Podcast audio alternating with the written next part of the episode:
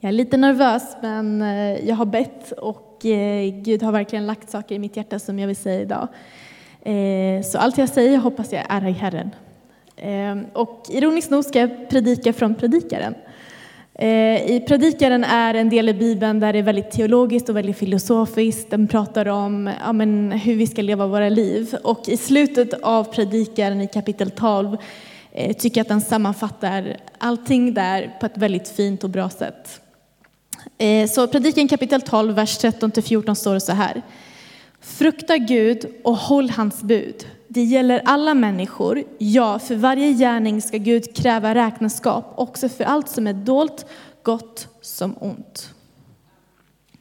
Först står det frukta Gud och håll hans bud. Och det handlar inte om att vi ska vara rädda för Herren, utan det handlar om att ha liksom en vördnad och respekt för Gud, för att han är helig, han vet bäst och du vill i vishet lyda honom. Och sen så står det, det gäller alla människor. Ja, för varje gärning ska Gud kräva räkenskap också för allt som är dolt, gott som ont. Alltså han räknar allt det du gör, det du tänker, allt möjligt. Det, det ser han. Eh, och det kan både vara skrämmande och uppmuntrande på samma gång. Skrämmande på så sätt att du kanske inte lever ett heligt liv, att du kanske fortfarande brottas med synder på olika sätt, både i det synliga och det fördolda. Men det kan också vara uppmuntrande för att eh, du, du uppmuntras till att ta det här steget och leva ett heligt liv för att Gud är helig och du vill vara som honom. Problemet är dock att många av oss är bundna fortfarande till synden. Och den tid vi lever i just nu skiljer sig väldigt mycket hur den var för kanske 50 år sedan, till och med 20 år sedan. Den här tiden vi lever i just nu är väldigt mörk. Och det ser vi i allting som händer i den här världen. Och eh, den är så mörk att den gång på gång försöker påverka vår integritet, vår etik, vår moral, eh, våra sinnen med allt möjligt. Eh, det, det, är inte lika osynligt som det var förut, utan synden är väldigt synlig just nu. Eh, den är så synlig att vi lever, alltså att det finns vissa kyrkor som improviserar med Guds ord. De anpassar Eh, hans ord till världen för att skapa en slags, någon slags inkludering. Det är inte att man inkluderar människor utan man inkluderar synden. Man vill försöka få synden att bli accepterad för att världen säger att vi ska acceptera den. Vi lever i en sån tid just nu att vi improviserar så mycket med Guds ord att vi har blivit blinda för sanningen som stirrar framför oss. vi ser den inte utan vi tror att den är på ett helt annat sätt. Och vi klär synden med vita kläder för att få den att bli accepterad in i våra liv. Det är på den nivån vi är på just nu. Eh, och vi, om vi inte är försiktiga, om vi inte är vaksamma, så kommer den här synden att få gripa sin tag i våra liv och vi kommer bli bundna till den. Så under min predikan vill jag bara liksom ställa dig det här och det här är också det jag gav namnet på min predikan. Om du får träffa Herren idag och han ger dig din bok om ditt liv och sen så visar han upp allting som du har gjort. Är du beredd på att stå för dem och ta konsekvenserna för dem? Och jag säger inte det här för att liksom sätta dit det på något sätt, utan jag vill säga det här för att, liksom som en retorisk fråga, att få dig att vakna upp lite. För vi vet ju, alltså vi har läst om det här, vi har hört det flera gånger. Jesus kom hit, han tog våra synder på korset. Vi vet om det.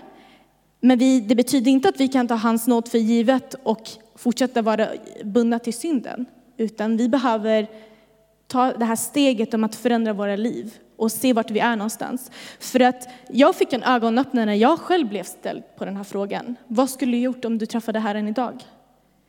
Och det fick mig att ta ett väldigt ordentligt kliv i mitt liv, i att försöka leva ett heligt liv och eh, bli befriad från saker som höll kvar mig, som hindrade min väg, alltså min vandring tillsammans med Herren. Och det här behöver vi ta väldigt seriöst. Så vad säger Bibeln om ett liv som är heligt? För det här, Gud vill ändå leda oss någonstans.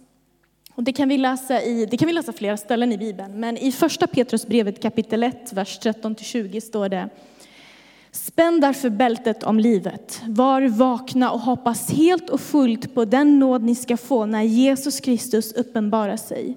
Som lydandes barn ska ni inte följa det begär som ni levde i förr när ni var okunniga.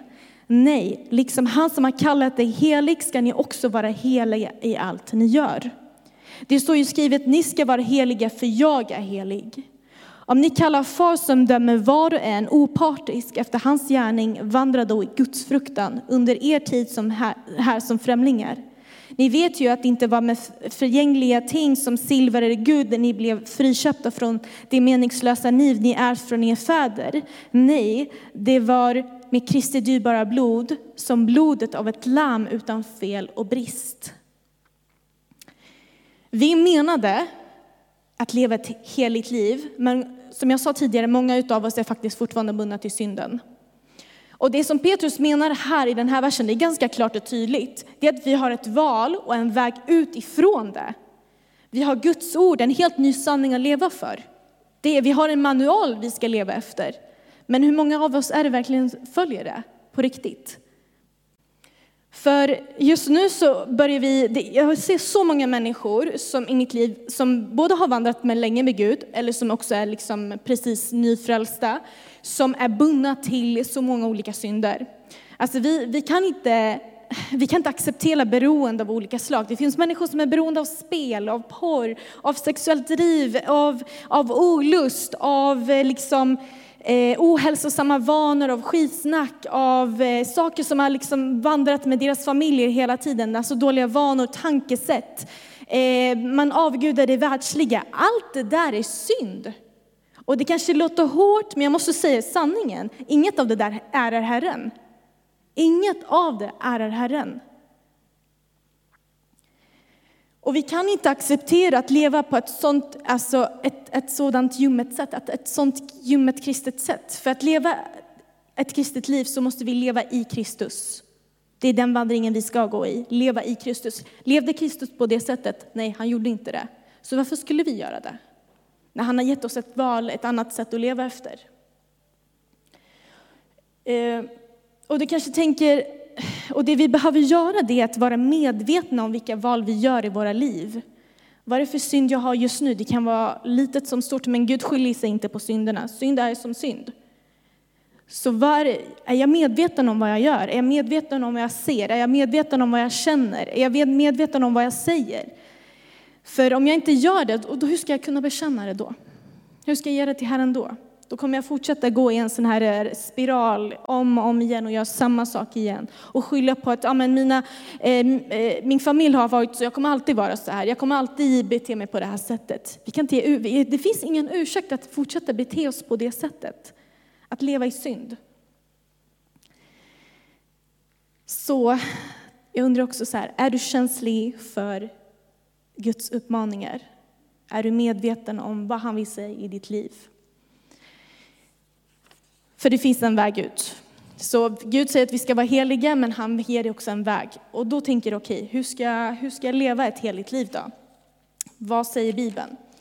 Och då går vi till första Johannesbrevet kapitel 1, vers 9. Och det står, om vi bekänner våra synder är han trofast och rättfärdig så att han förlåter oss våra synder och renar oss från all orättfärdighet. Det är bara Gud som kan göra dig rättfärdig. Så det första är att du är medveten om dina synder och det andra är att du ska, vara, att du ska eh, erkänna dina synder för Herren. Eh, och leva tillsammans med den helige anden. Och du ska be Herren göra en, här, en helige anden operation i dig. Att han ska liksom sortera bort synden från dig, ta bort allting som finns runt omkring dig eller i dig och låta ljuset få vara där mörkret en gång var. Eh, och du ska liksom försöka arbeta konstant på ditt hjärta så att du får bära den helige andens frukt. För där frukten är, där frukten inte är, det är där du behöver arbeta. Alltså frukten säger ju ganska mycket om hur vi lever våra liv. Om jag inte bär på den, frukten, eh, den helige andens frukt, då vet jag okej, okay, jag har lite arbete att göra. Men jag långsamt ser hur de här frukten växer i mitt liv, då vet jag att jag är ändå på en god väg. Och och många gånger kanske vi, vi faller. Alltså vi försöker göra det med vågna kraft och gärning. Att vi ska försöka hela tiden rättfärdiga oss själva. Men det kan vi inte göra. Och det visas det gång på gång när vi läser Bibeln också. Titta bara på judarna i Moses tid. De fick lag efter lag efter lag efter lag, men ändå så föll de och föll de och föll de och föll de. Varför? För att de försökte göra saker i sina egna, i sina egna handlingar. Men Gud säger, gör det i min kraft. Det är bara Guds kraft som kan eh, liksom, få dig bort från synden, befria dig från synden. Hur kan du bli helig om du inte är helig själv? Det är den helige som kan göra dig helig. Bara den helige. Och likaså säger också Jesaja i kapitel 50, Eh, och i just det här kapitel 50 så pratar Jesaja om eh, framtiden, han pratar om Jesus. Eh, och det står i vers 7 att Herren Gud ska hjälpa mig, därför behöver jag inte skämmas. Därför gör jag mitt ansikte hårt som sten, jag vet att jag inte kommer på skam. Det är alltså Jesus som talar. Och Jesus, när han vandrade på den här vägen, han hade en mission när han var här på jorden. Att dö på korset tar med sig liksom vår synd och vår skam och allting vi har gjort på korset för att ge oss en ny väg. Men under den här gången, under liksom hans tid här på jorden så fick han genomlida otroligt mycket för vår skull. Men ändå sa han, Gud kommer hjälpa mig. Gud kommer vara med mig. Jag ska inte skämmas när jag går på korset. Trots att det var människor som liksom, eh, drog sig i hans eh, skägg och piskade honom och förlöjligade honom inför människor. Så hade han ändå sina ögon fästa mot Herren, för det var hans mål. Så det är inte, att bli befriad från synden är inte bara att du ska bekänna din synd, men också att du ska ha disciplin. För det finns så mycket, mycket runt omkring oss i det världsliga som vill influensera oss. Som jag sa tidigare, det finns så mycket mörker i den här världen. Men låt det inte få påverka dig. Precis som, eh, precis som Jesus, låt Jesus vara ett föredöme. Alltså precis som han vandrar, låt du också vandra på samma sätt. Och var disciplinerad och lojal mot Gud. Och sätt hans bud över allt annat. Över allt annat. Hur ska du bli disciplinerad? Jo, genom att läsa hans ord. För då vet du det är, din, det är ditt verktyg, det är ditt vapen. Guds ord är ditt vapen och det är, och det är den som kommer få dig att verkligen fortsätta på den här vägen. För det står också i Bibeln att den kristna vägen är inte liksom bred utan den är smal som en stig. Och det betyder vad? Att det finns så mycket runt omkring oss som försöker dra ner oss, som försöker påverka oss. Men gång på gång säger Herren, se på mig. Se på mig.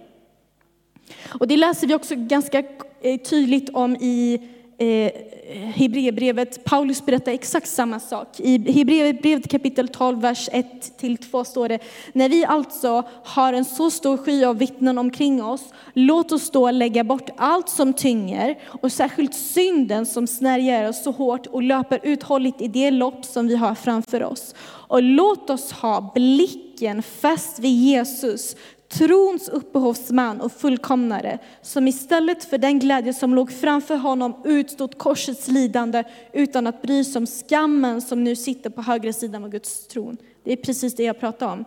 Han hade blicken fäst på Gud. Du ska också ha det för att kunna få uthärdiga det här livet som vi har här på jorden.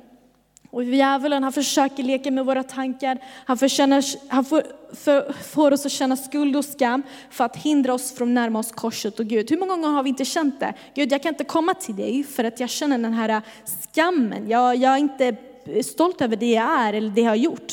Men Gud säger kom till mig, kom till mig. Och anledningen till att vi kan komma till en helig Gud är för att vad lammet fick genomlida för våra synder. Blodet tvättade mig och det är rent. Låt Jesus vara ditt föredöme.